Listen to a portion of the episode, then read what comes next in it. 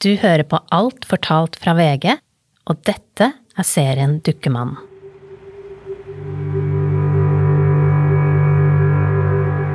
Jeg husker bare at jeg kom inn i et rom hvor det var en psykiatrisk sykepleier, og vi begynte å snakke sammen. Knut har oppsøkt legevakten fordi han har selvmordstanker. Der blir han spurt av sykepleieren om hvor lenge han har gått til psykolog. Så svarte jeg ja, jeg har gått i rundt 14 år, og da så han rart på meg.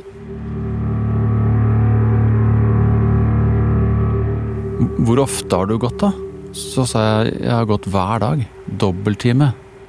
Og da reiser den psykiatriske sykepleieren seg opp og skriker 'fy faen' ut i luften. Sykepleieren skjønner det med det samme. Så lang og intensiv behandling er helt uvanlig. Jeg rakk ikke å tenke. Jeg bare kjente Det sprutet ut tårer, og jeg fortalte rett ut at han har gjort det og det mot meg. Da blir det slått alarm.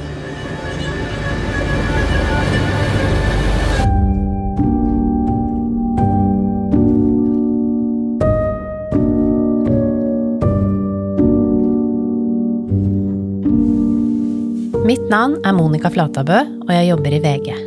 Det siste året har jeg undersøkt hvem psykolog Sverre Vareig var, og hva han gjorde mot Knut og andre pasienter. Det er jo psykopatisk, ikke sant? Ondskap, det villet ondskap. Da satt han i hjørnet igjen, inne på soverommet vårt. En person da som en på forhånd ikke tenkte i sine villeste fantasi kunne holde på med noe sånt. Han var veldig stiv i kroppen, da. blek i ansiktet. Vi oppfattet han som en liten dukkemann.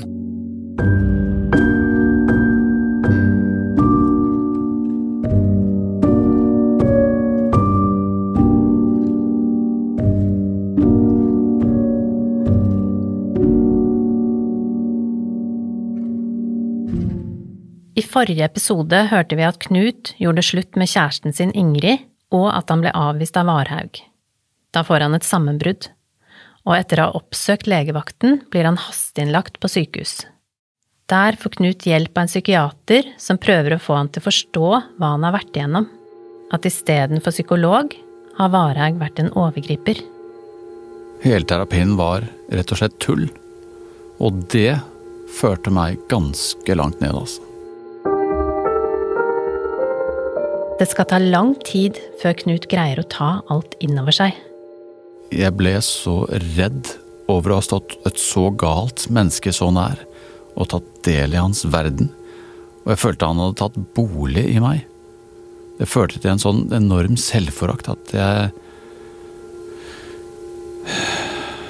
Ja, jeg hatet meg selv, altså. Fordi jeg kunne være så dum å stå oppi dette uten å reagere. Knut står foran vinduet på den lukkede psykiatriske avdelingen. Jeg husker jeg sto på gulvet og ser utover byen. Høye, store vinduer som det er på de gamle sykehusene. Jeg tror det var gitter òg, jeg. Så ikke noen skulle hoppe ut. Det er sensommeren 1998, og han kikker ut på de lyse hustakene. Og tenkte at der ute er livet, og her er jeg, altså. Det er da det går opp for han hva han må gjøre. Da skjønner jeg jo mer og mer at Varhaug, det han har stått for, behandlingen hans, det er jo en serie med overgrep. Og ikke bare overfor meg, men overfor andre. Og da jeg oppdaget dette, så måtte jeg jo selvfølgelig advare de andre.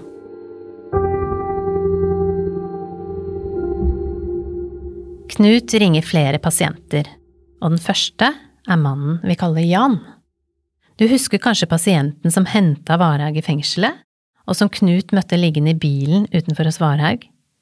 Det er Jan. Det er ikke det ekte navnet, for han ønsker å være anonym. Vi skal snart høre hvordan han reagerer da Knut ringer.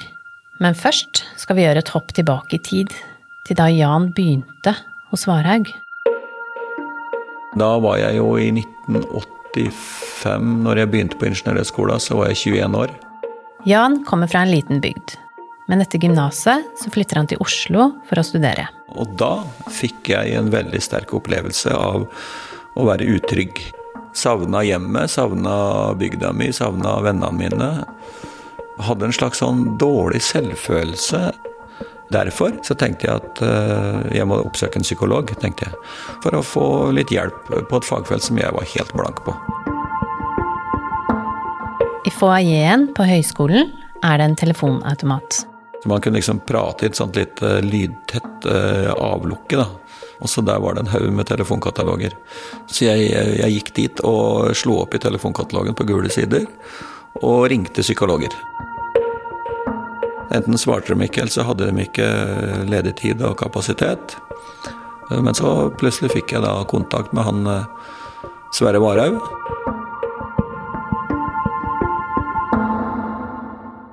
På det tidspunktet her, altså i 1985, er Varhaug allerede dømt én gang for å ha forgrepet seg på to pasienter mens han jobba på Rogaland sjukehus. Men ifølge Jan så sier han ingenting om det. Jeg hadde ingen signaler om at det var noen grunn til å ikke være trygg. Og, og, men flere ganger så kommenterte han låra mine. Han sa at jeg hadde veldig fine lår, eh, og det syns jeg var litt merkelig. Terapien blir etter hvert viktigere og viktigere. Det som var veldig spesielt de første åra hos Svaret, var at jeg opplevde han som en livsbøye i livet mitt og tryggheten i livet. Og jeg klamra meg til at hans eh, råd og guiding og terapiarbeidet skulle endre meg, da, gjøre meg tryggere. Men etter noen år begynner Jan å bli utålmodig. Og jeg begynte å konfrontere Varhaug og sa det at her, nå har vi sittet her og tomprata i tre år, og det skjer ingenting.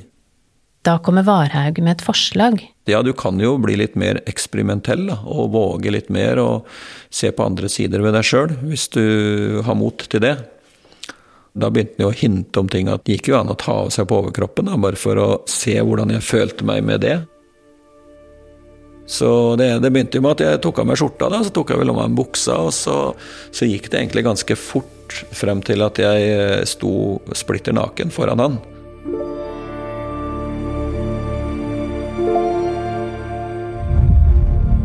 I den neste timen sier Varhaug at Jan må ha blitt utsatt for et overgrep som liten.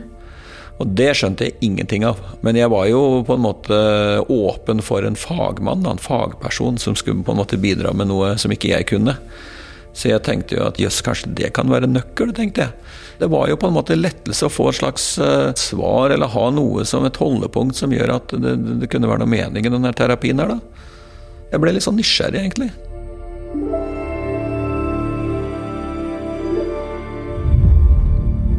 Nå endrer terapien seg. Timene blir mer og mer seksualiserte, og Jan blir utsatt for flere overgrep i terapirommet. Men det forstår han ikke selv. Jeg husker at på den tida der så sammenligna jeg det med å stikke munnen ned i bakken og spise grus. At jeg, jeg tvinga meg sjøl til å gjøre noe ubehagelig fordi det skulle ha en eh, bra hensikt. da.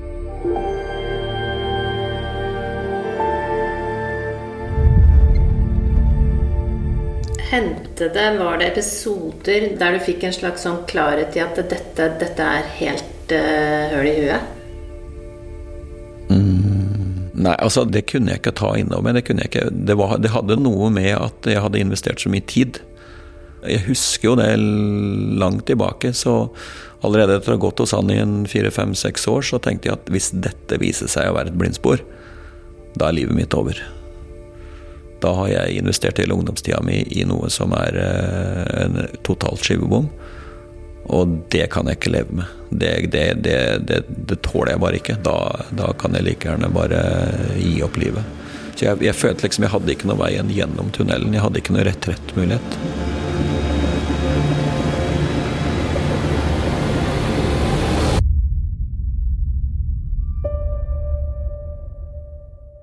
Etter at Jan har gått ti år i terapi, flytter Varhaug til Stavanger. Og da bestemmer Jan seg for å si opp jobben, bryte med alt og flytte etter. Bare for å fortsette terapien. I Stavanger kjenner ikke Jan noen, men om kveldene, alene på en liten hybel, begynner han å ringe en av de andre pasientene som han har kommet i snakk med på venteværelset til Varhaug. Knut. Jeg begynte å utvikle telefonkontakt med han Knut, der, som gikk også til Varhaug, og vi prata sammen daglig. Så der fant jeg en slags livlinje, da. Det er ikke sånn at de betror seg til hverandre om hva de opplever. De snakker om helt vanlige ting. Det er 13 år siden Jan begynte hos Varhaug. Så kommer dagen da Knut ringer fra psykiatrisk. For første gang forteller han hva Varhaug har gjort. Jeg ringte jo og fortalte hva jeg hadde opplevd. Og sa at du må avslutte dette her. Dette er galskap. Dette er ikke bra.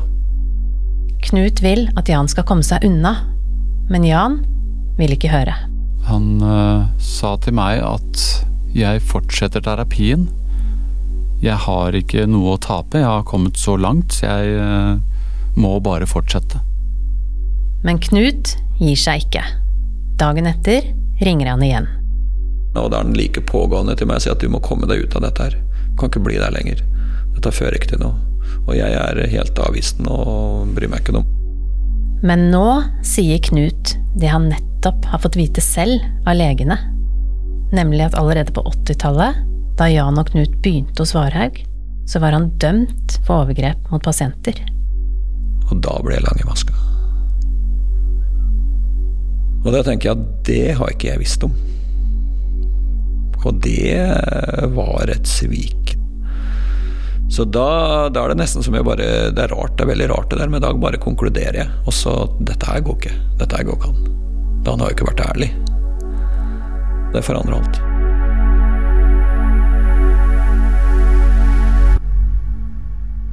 Jan pakker de viktigste tinga sine. Så setter han seg i bilen og kjører mot leiligheten til Varhaug. Jeg åpner døra, går inn og setter meg sånn, og sier du må sette deg ned, jeg må prate med deg, sier jeg. Så jeg setter meg der jeg pleier å sitte i treseteren, og jeg ber han sette seg i toseteren.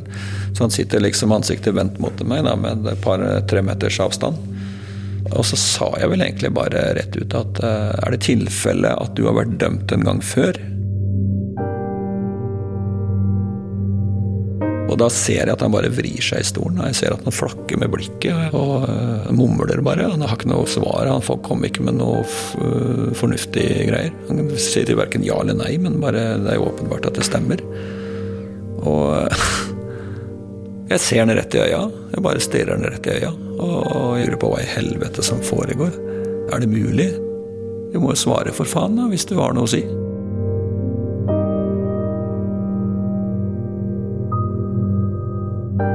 Jeg kjenner at jeg har makta, liksom. Kjenner at det er han som vrir seg og er utafor og ikke greier å være ærlig.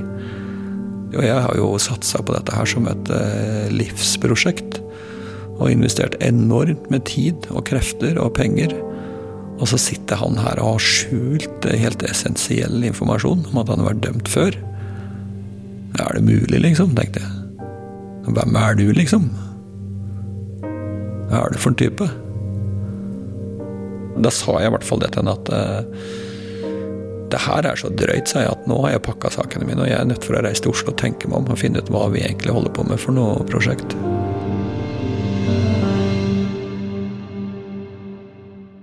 I Oslo finner Jan og Knut støtte i hverandre. For første gang forteller de om alt de har vært igjennom i terapien. Det rare er at det bruddet fra Varhaug, det ble jo mye mindre vanskelig enn jeg hadde trodd. Fordi jeg hadde han Knut, da. De går sammen til politiet og anmelder Varhaug for det han har gjort. Noen dager senere sitter de hjemme hos Knut da telefonen ringer. Og i andre enden snakker da Sverre Varhaug. Og sier jeg kommer fra ferie, og så har jeg fått et brev i posten med beskjed om at han var anmeldt. Og da tar jeg bare røret og tar det bort fra øret mitt. Så hører jeg fortsatt hva han sier, og så kjenner jeg bare armen min. Noe vil at røret skal tilbake til øret, mens noe annet vil at jeg skal legge det på telefonen. Knut blir sittende og veie røret i hånda, mens han svakt hører stemmen til Varhaug. Da bare la jeg på røret. Og det var veldig deilig, altså. Den 12. februar 2001 må Sverre Varhaug møte i retten for tredje gang. Han er tiltalt for å ha skaffet seg utuktig omgang ved misbruk av stillingen overfor Knut, Jan og en tredje pasient. Du kommer liksom inn i salen, og der sitter aktor.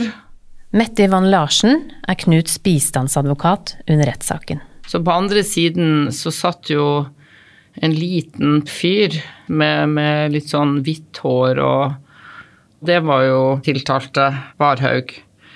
Og jeg husker det var en sånn merkelig stemning inni det rommet. At du liksom tenkte Er det denne lille karen her som har gjort så mye vondt mot så mange? Han var en, eh, naturlig nok en eh, person som eh, sto i sterk kontrast til oss andre som sto der i våre svarte kapper. Bjørn Soknes var aktor i rettsprosessen. Men det var altså et nytt antrekk hver dag. Han var en person som helt åpenbart var svært opptatt av det ytre. Kanskje tilnærmet en posør, uten at det for så vidt behøver å være galt i det. Men vi fikk jo da innblikk i tre skjebner i tre liv som var bortimot totalt ødelagt. Og da ble kontrasten til det andre, altså til hans væremåte, ganske stor. Men jeg vil ikke virke harselerende, eh, men det var altså da flere av oss eh, aktørene i rettssaken som tenkte det samme, nemlig at han ble oppfattet som en, eh, som en dukkemann. Det finnes ikke noe referat av akkurat hva Varhaug sa i retten. Men i politiavhørene så sier han at det eneste han ville, var å hjelpe pasientene sine. Han forteller at det ikke var psykologbehandling han ga dem. Han stilte seg bare til disposisjon som et instrument og følte ikke noen nytelse av de seksuelle handlingene. Varhaug sier at det skjedde på Knut og de andres initiativ, og han syns Knut er feig og ynkelig som ikke tør å stå for det. Og så legger han vekt på at både Knut og Jan skal ha visst at han tidligere var dømt for overgrep. Han snakker om disse overgrepene som psykologisk behandling, og han prøvde liksom å belegge sine overgrep med noe sånn faglige historier om at i USA så drev man med ditt og datt. Altså det var liksom, han var ekstremt lite troverdig. Samtidig som det virket som han trodde på det sjøl, da. Viste Varhaug noe anger? anger. Han mente at han overhodet ikke hadde gjort noe galt. Han mente at han hadde behandla disse mennene, og uten han så ville jo de ha antagelig tatt livet sitt og vært selvmordskandidater. og altså, Han var helt klar på at han hadde behandla dem, og han hadde på en måte ofra livet sitt for dem, og at de var utakknemlige, og ja, han hadde stilt opp, åpna sitt private hjem, og ja. Så det var så langt fra anger man kan komme, tror jeg. Under rettssaken har Mette Yvonne Larsen anbefalt at Knut ikke skal være til stede for å skjerme han. Men så kommer dagen Knut skal vitne. Jeg sto i vitneboksen, men jeg må jo ha sett likblek ut. Mot slutten av vitnemålet blir Knut overrasket. For plutselig så spør dommeren om han ønsker å si noe til Varhaug. Jeg var jo totalt uforberedt på det. Og da snur jeg meg mot Sverre Varhaug og ser på han. Ser han på deg? Nei. Han så ned.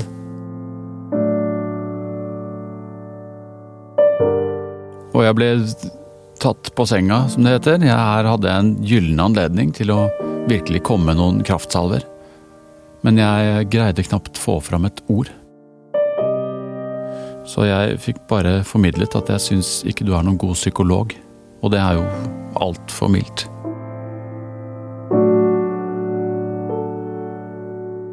Men da Knut er ferdig med forklaringen sin, og både han og Varhaug er på vei ut av salen, så skjer det noe spesielt.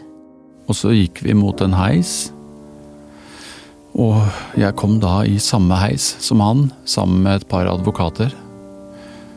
Så snur Varhaug seg mot meg og skriker 'din idiot'. Han var ikke rød og sint, han var bare blek, så ut som skrik av Munch. Helt sånn dratt. Jeg skvatt. Men så var det en av advokatene der som eh, ba om hold i kjeft. Holdt han kjeft? Ja, det gjorde han. Grunnen til jeg nevner det, er fordi det lå litt hevn i det. Det at han kunne kalle meg en idiot, det var litt deilig. Hvorfor det? Jeg visste jo jeg var ikke noen idiot, men i hans øyne så var jeg det. Og det var noe av det jeg ønsket å være også. En, en pest og plage for han der og da.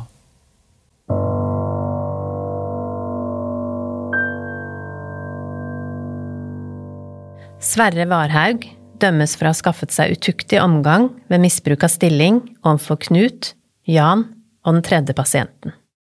Dette er også tredje gangen han dømmes for det samme. Første dommen for overgrep mot to pasienter i 1980. Andre dommen for overgrep mot én pasient i 1988. Og nå, den siste gangen, for overgrep mot tre i 2002. Altså For meg virker det som en veldig hyggelig kar. Arvid Sjødin var forsvareren til Varhaug. Hun virker veldig omtenksom i alle sammenhenger. Så jeg, at jeg så ikke noe personlig galt med den personen overhodet. Sjødin sier at Varhaug mente dommene mot ham var feil. Og når jeg gikk inn i de sakene, jeg innhenta de òg, de gamle sakene, og gikk gjennom det, så kunne jeg jo se at hans anførsler kunne ha båret seg gjerne med en annen dommer. Det er jo ikke sånn at uh, verden er enten hvit eller sort. Og alle dommer er ikke riktige, selv om de er rettskraftige. Som 73-åring får Varhaug tre års fengsel.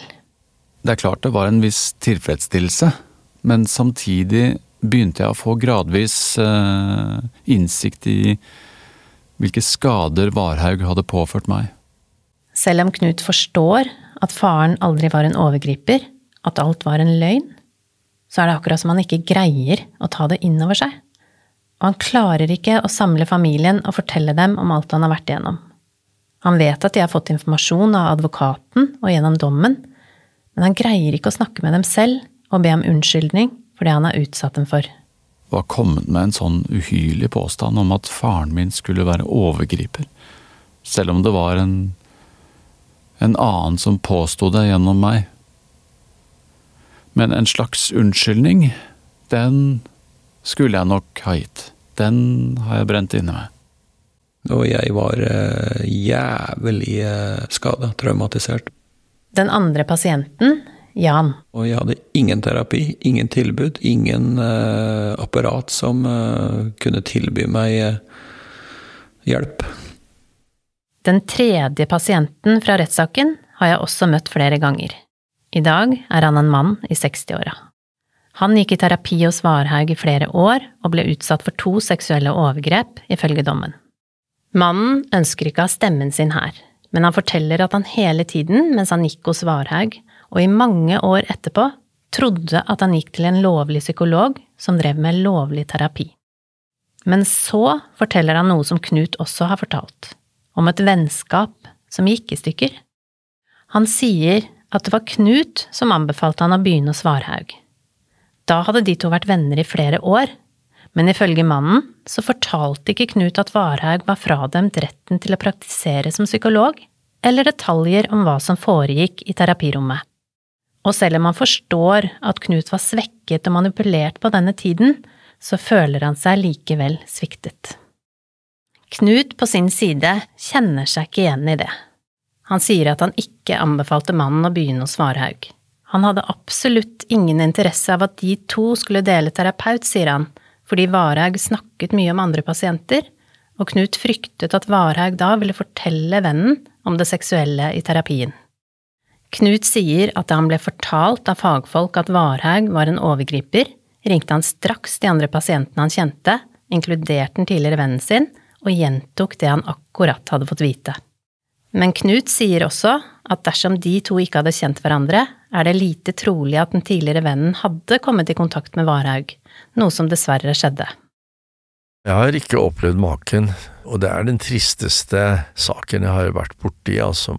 Lars Weiseth er professor emeritus og katastrofepsykiater. Under rettsprosessen mot Varhaug var han sakkyndig, og etterpå har han hjulpet Knut. Weiseth har jobba med store katastrofer og voldsofre, men Varhaug-saken har gjort sterkt inntrykk på han. At en som er i den godes tjeneste, da, og spiller rollen som helsepersonell lenge, ikke sant, og hele tiden som hjelper, eh, er ute i et så skadelig ærend og misbruker eh, sitt fag så systematisk overfor så mange over så lang tid, det, eh, det syns jeg er verre enn faktisk alt annet jeg har opplevd. Det er jo psykopatisk, ikke sant? Det er ondskap. Det er villet ondskap. Varhaug innbilte ofrene sine at de hadde fortrengt overgrepene de ble utsatt for i barndommen. Ifølge Veiseth er det ikke sånn det fungerer. Han øh, misbrukte en teori som nok var oppe på 70- 80-tallet, før den da ble lagt død, og det var dette at det var vanlig å glemme overgrep.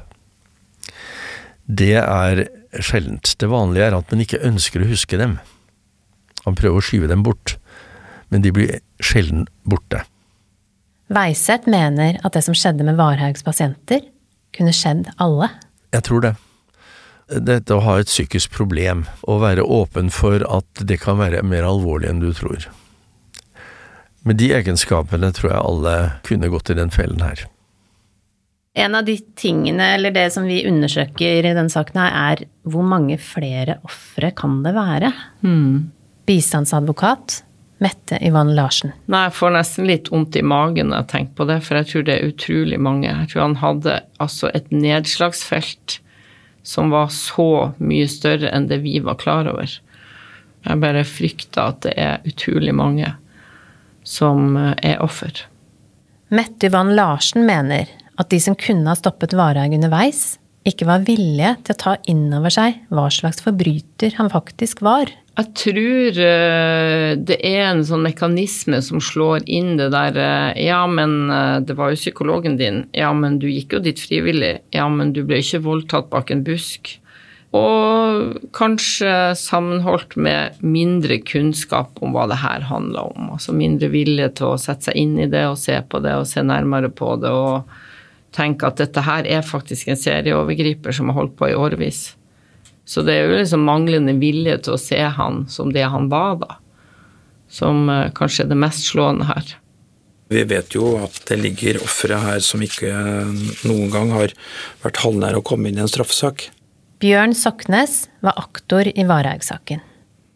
Etter at Varhaug ble dømt for siste gang, dukker det opp enda to nye pasienter som varslet om overgrep i terapirommet. Men de sakene kommer aldri opp i rettssystemet. Påtalemyndigheten mener nemlig at Varhaug uansett ikke vil kunne få en strengere straff. Og de tror heller ikke at helsa hans vil tåle enda en rettssak. Men vi vet at det har vært flere.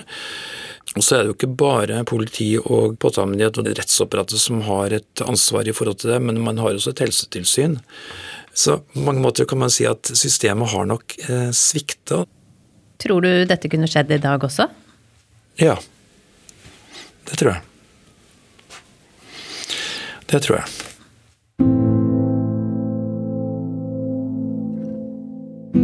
Jeg vet ikke hva du har tenkt når du har hørt denne podkasten.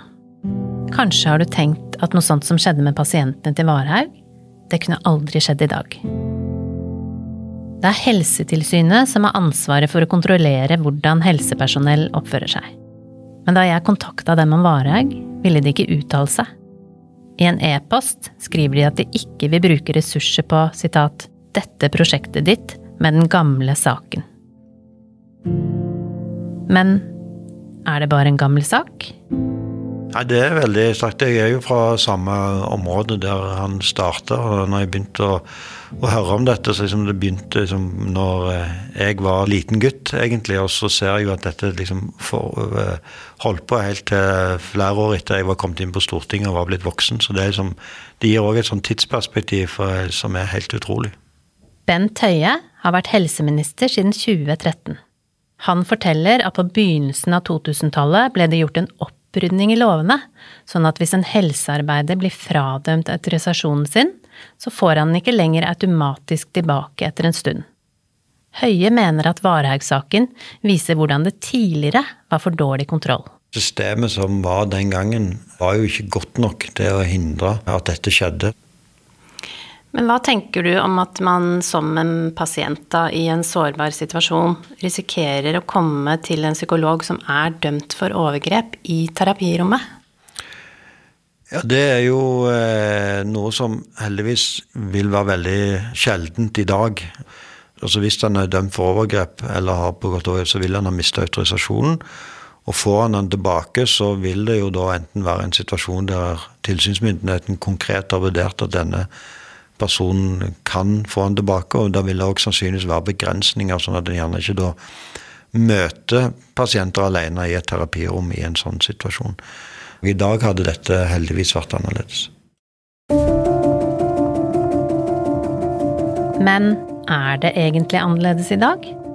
De siste månedene har kollegaene mine, Bjørnar Tommelstad og Ane Muladal, undersøkt hva dagens psykologer og psykiatere som har misbrukt pasienter seksuelt, gjør nå. Og de har funnet et førtitalls tilfeller der psykologer og psykiatere har kryssa grensen seksuelt overfor pasientene sine. Alle disse har mistet eller blitt fratatt autorisasjonen sin av Helsetilsynet. Men så har flere fått den tilbake. Det gjør at de fortsatt har lov til å jobbe som psykolog eller psykiater og være alene med pasienter. Og mange av dem gjør det.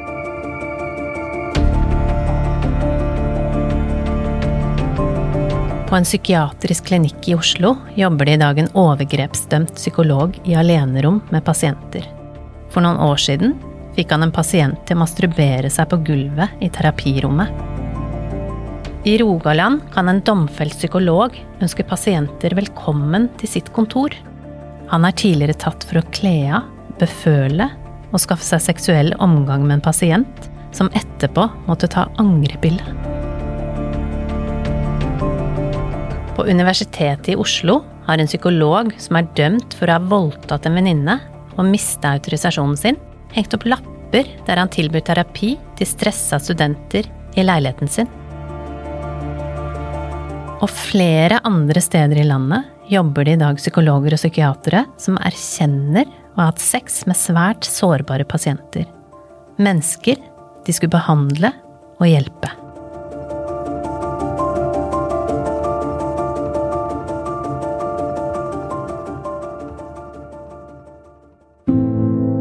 Etter at Sverre Varhaug ble dømt for siste gang på 2000-tallet, sonet han om lag ett og et halvt år i fengsel.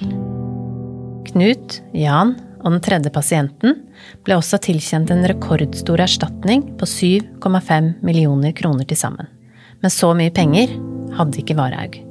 Så akkurat hvor mye de har fått, er usikkert. Ifølge bistandsadvokat Mette Yvonne Larsen er bare en brøkdel blitt utbetalt. Etter soningen reiste Varhaug til Albir i Spania, og bodde der til han døde i 2014 i en alder av 85 år. Det er, eh, det er rart. Det er veldig rart. Pasienten Jan. At jeg som 21-åring går oppsøker en psykolog i Oslo som har kommunal avtale. Og eh, jeg vet ingenting. Og, og han har vært dømt tidligere. Og Helsetilsynet vet om det.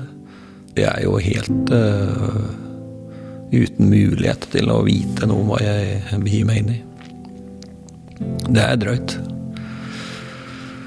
Og så Dag sitter her som 55 år gammel og jeg lurer på hva livet hadde blitt hvis den ikke hadde truffet på en sånn jævel, for å si det rett ut. Det, det, blir liksom Det blir ikke mulig å tenke på. Det blir ikke mulig å få noe svar på. Men eh, det er ganske mange år som er gått. Først 13 år i sjuk terapi, og så 20 år med å forsøke å reparere ting, da. Det er jo så trist at uh... Ingrid er den tidligere kjæresten til Knut. Hun som løp naken i regnet sammen på hytta, og som hadde en liten datter som Knut var så glad i. I tiden rundt rettssaken møtes de igjen for å snakke om det som hendte, men da har begge funnet kjærligheten og etablert seg på hver sin kant. Da traff vi hverandre og drakk kaffe, men uh, da var jeg gravid igjen. Med en annen. Ingrid opplever at hun har hatt et fint liv etter Knut, men hun har aldri klart å tilgi Varhaug for det han gjorde. Hva er det som får et menneske til å gjøre sånt, da? Hæ? Jeg forstår det ikke. Å ødelegge for oss på den måten.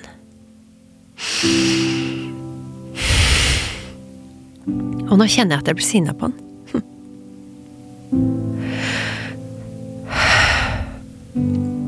Det er faktisk hans skyld. Det er han som ødela for oss. Jeg har ikke tatt det ordentlig inn over meg. Jeg har jo sagt det, men jeg har ikke kjent ordentlig på det. Hva slags forhold har du og Knut i dag? Jeg er veldig gode venner. Og jeg kjenner at jeg er glad i han ennå.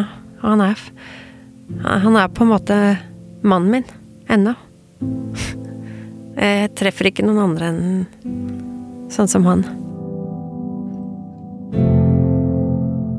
Noe som jeg har tenkt en del på, da, det er eh, at hva hadde skjedd hvis eh, Knut ikke hadde ringt meg? Hvis han eh, ikke hadde liksom fått meg til å stoppe med dette her. Det, det er skremmende å tenke på. For jeg var helt kjørt fast i det her. Altså. Så takket være at Knut på en eller annen måte skjønte dette her, og at han ringte meg, så, så ble jeg jo redda. Knut han er jo en av de som forteller historien sin i denne podkasten. Hva tenker du om det? Jeg tror hele denne prosessen eh, har vært eh, anstrengende for Knut. Det har kostet han ganske mye, altså. Mye nattesøvn og mareritt. Knuts psykiater, Lars Weiseth. Men den har eh, tjent ham helsemessig. Og jeg tror også at Knuts vilje til å beskrive sin historie, det er også veldig nyttig for fagfolk. Fordi det er ganske utrolig at sånt nå kan skje i Helse-Norge, altså. Så denne historien fortjener å bli kjent som en advarsel.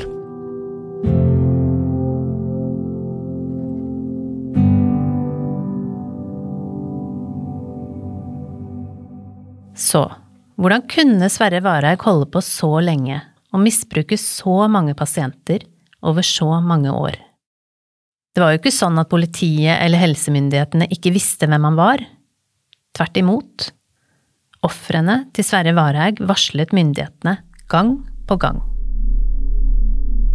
Han kunne fortsette fordi politiet ikke snakket med de aller viktigste vitnene, nemlig alle pasientene hans. Han kunne fortsette fordi pasienter som hadde gått hos han i årevis og var totalt avhengig av han, ikke fikk informasjon av myndighetene da han ble fratatt autorisasjonen for godt. Og han kunne fortsette fordi pressen lot han få være anonym. Sverre Varhaug ble ikke etterforsket eller sett på som det han faktisk var, en serieforbryter. Og systemet som skal passe på at sånne som han ikke får skade pasienter, det sviktet. Og derfor kunne han fortsette å vise unge menn inn på kontoret sitt og låse døra bak dem i tiår etter tiår.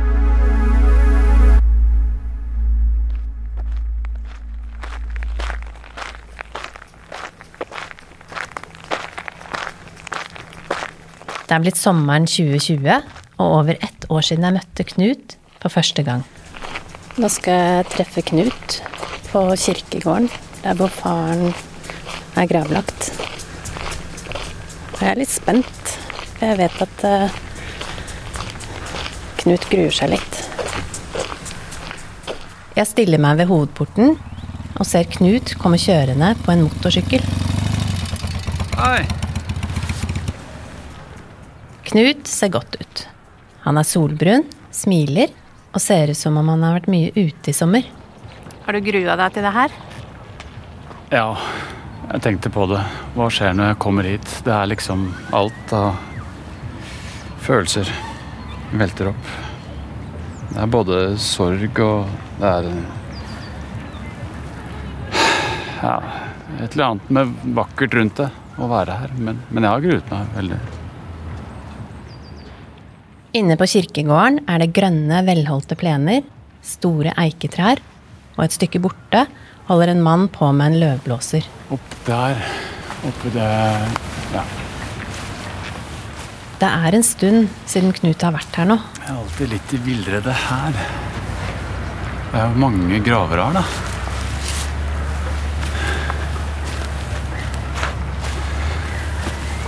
Men her er den.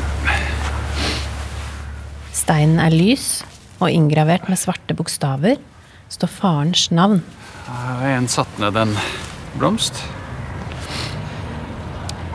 Ser ut som en lyserosa rose. Ja. Det har tatt mange år for Knut å tilgi seg selv. For at han trodde på Varhaugs teori om at faren var en overgriper. Du fortalte jo at du lå og fantaserte om å sprenge denne gravsteinen i tusen biter. Hva tenker du om det nå?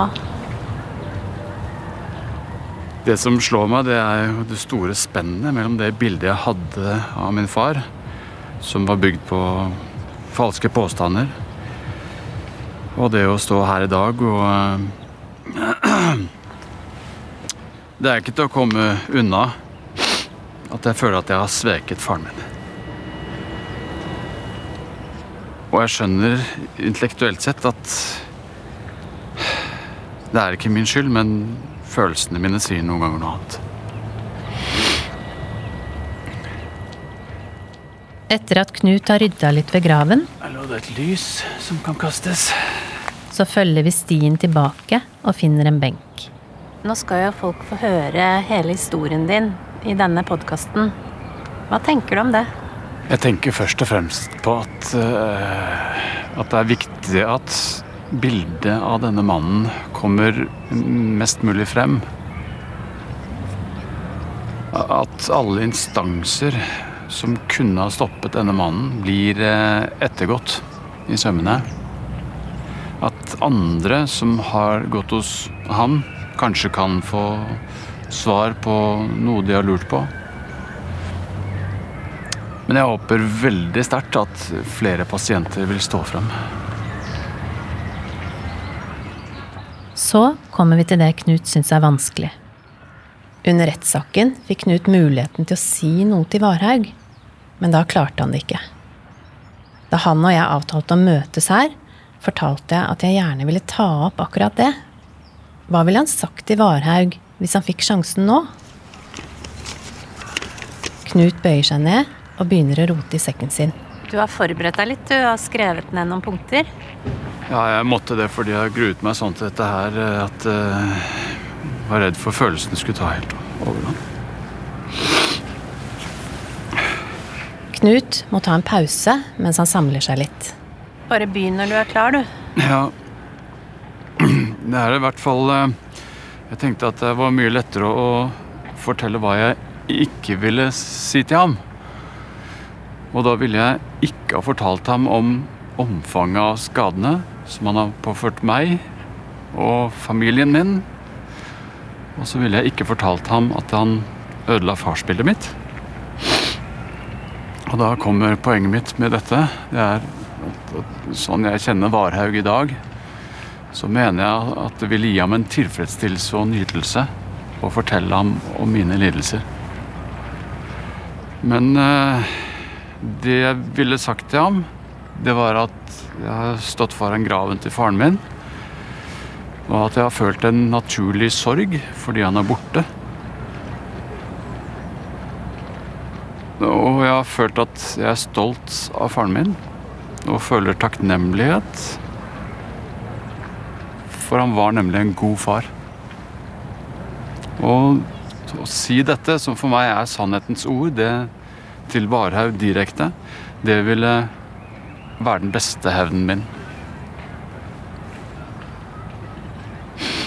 Knut pakker bort lappen og tørker nesen. Han virker letta. Senere på dagen skal han møte ungene sine. Selv om Varhaug mente at han aldri kunne bli en god pappa, har han i dag voksne barn som han alltid har hatt et nært og godt forhold til. Ifølge Knut kan han takke sin egen pappa for det. Og jeg tror hvis jeg kan være like god far som han var, så vil jeg være fornøyd.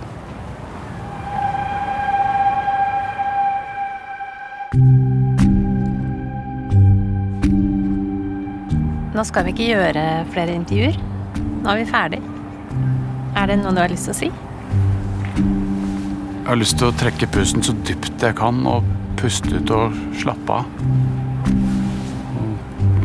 Prøve å nyte livet.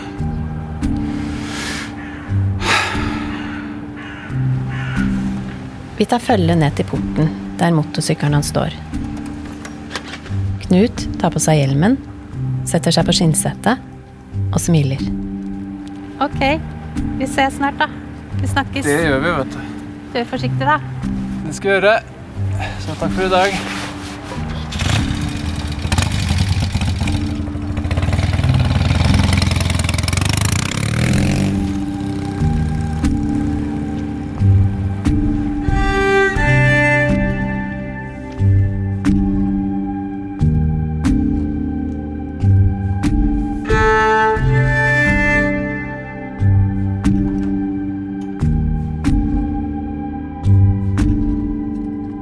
Dukkemannen er laget av meg, Monica Flatabø og VG i samarbeid med Svarttrost.